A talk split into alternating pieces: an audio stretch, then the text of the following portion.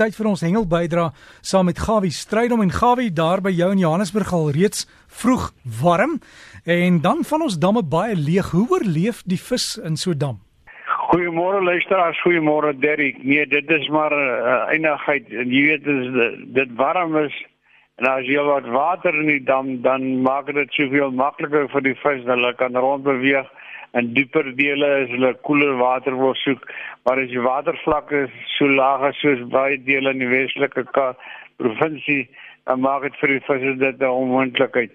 En ek het verwag dat enige oomblik sal baie van hierdie damme se visse natuurlik vrek as gevolg van te min suurstof wat 'n groot jammer te sal wees. Nou ja ek wil hier kyk na die volumes van die damme op die oomblik hier vanaand in die Weskaap met en laat ons les leer uit hierdie oefening uit dat ons waar ons ook al is al lyk dit vir alles loop oor en alles is oorvloed wees dankbaar. En verspaar water met die beste moontlike geleentheid wat jy kry. Terwyl ons praat van visse is so groot jammerte van die groot walvis wat daar in die strand uit gespoel het wat hulle gaan poog om vandag van die strand af te verwyder en bly maar al die daar hier sake so groot dier natuurlik die sterre kom. Is nie selfs met manne wat groot visse target.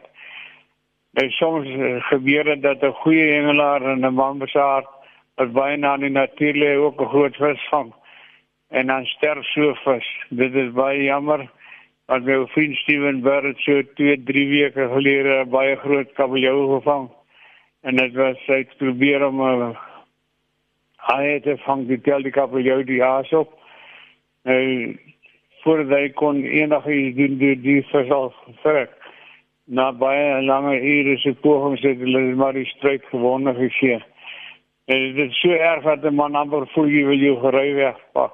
So daar is manne wat werklik waar diep vir die Engels sport voel.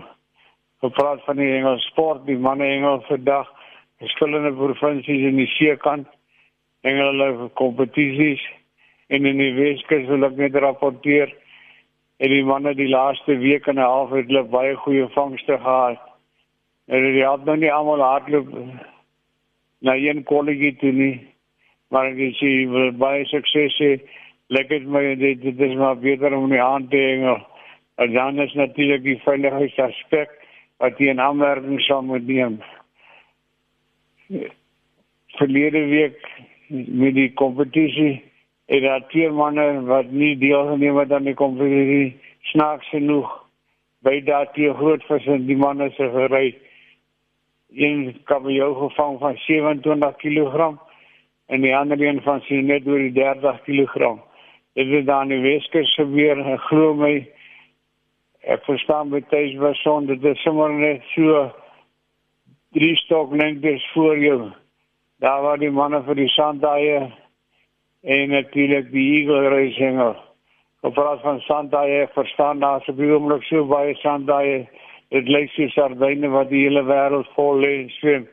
En keer self hierdie sandaie met groot respek en as jy hom gevang het. Moet nou mens sommer sy sterk vat en sommer net in die water en gooi nie. Dis 'n teken van baie lelikheid wat binne jou rondloop. Sit hom pragtig mooi versigtig terug.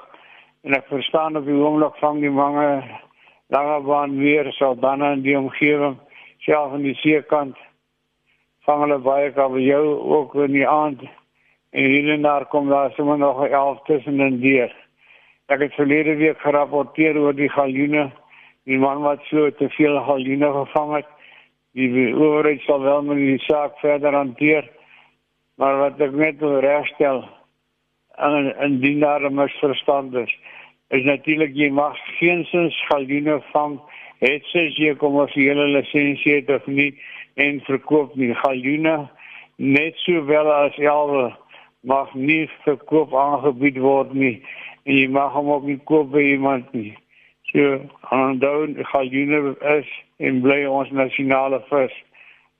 Dis heel onwettig om dit te doen en hy het ook 'n minimum lengte van 350 mm en jy mag as jy hulle vang in die seisoentyd dan mag jy slegs twee maksimum per persoon hengel.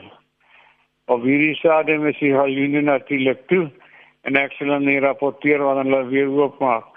Ja, aan die ooste se kant sukkel die manne bietjie met die rowers. Maar Elise van Seevarkie lyk my is die vrou wat op die oomblik die gitaarslaan in die omgewing wat die rowers dan betref en ek praat nou van Marlene. Sy vang omtrent elke dag aan Marlene, dis nou met die boot waarmee sy Seevarkie waarmee sy opereer. En baie mooi en goed gedoen Elise lyk my. Sy wys die manne hoe om die ding te doen. Maar die manne wat baie ver in die dieper ondersoek kry hier na Kuta en dis op die oomblik baie skaars. En ek hoop en vertrou die strome verander van so aard dat die visse ook weer hulle verskyning sal maak. Daar onder in die Suid-Kaap, Mosselbaai, George en die omgewing gaan dit maar baie moeilik. Die water is baie baie baie baie skoon. En natuurlik sien nou kom hulle vuil water hê, maar engel werk maar so. Die water moet te kleer hê, jy wil sukses hê. En selfs die asies kom maar net soos wat jy hulle ingooi kom hulle uit. So ek hoop wie weer verander binne die volgende week of twee. Die einde van die maand vind die meesterskampioenskappe in Port Elizabeth en Jeffreys Bay in die omgewing plaas. Baie goeie reëlings getref vir dit en ek sal rapporteer sover ek nou die inligting kan kry hoe dit daar gaan wat is gewoonlik 'n prestige vertoning van die hengelaars elke jaar en uh, hier is besoeker in die omgewing is baie welkom om te kyk hoe knap en hoe goed die hengel die manne wat al die jare ondervinding het. Van my kant is dit wel, ek kan het vir veel meer vertel, maar die varswatermanne doen nie te sleg nie. Reg oor die land by die kar baie goed en dan nou smeer maar vandag so ietsie aan jou lyf vir die son wat jou gaan brand en sterkte tot volgende naweek. Liefde groete, Gawie. Baie dankie Jan, Gawie stryd om vir die hengel bydra en ek het ook 'n e-pos gehad wat ek vir Gawie sal aanstuur wat vra hoeveel vis het hy hierdie vakansieseisoen gevang. Ek weet nie, maar Gawie sal vir jou kan sê. En as jy Gawie wil e-pos is gawievis@gmail.com. gawievis@gmail.com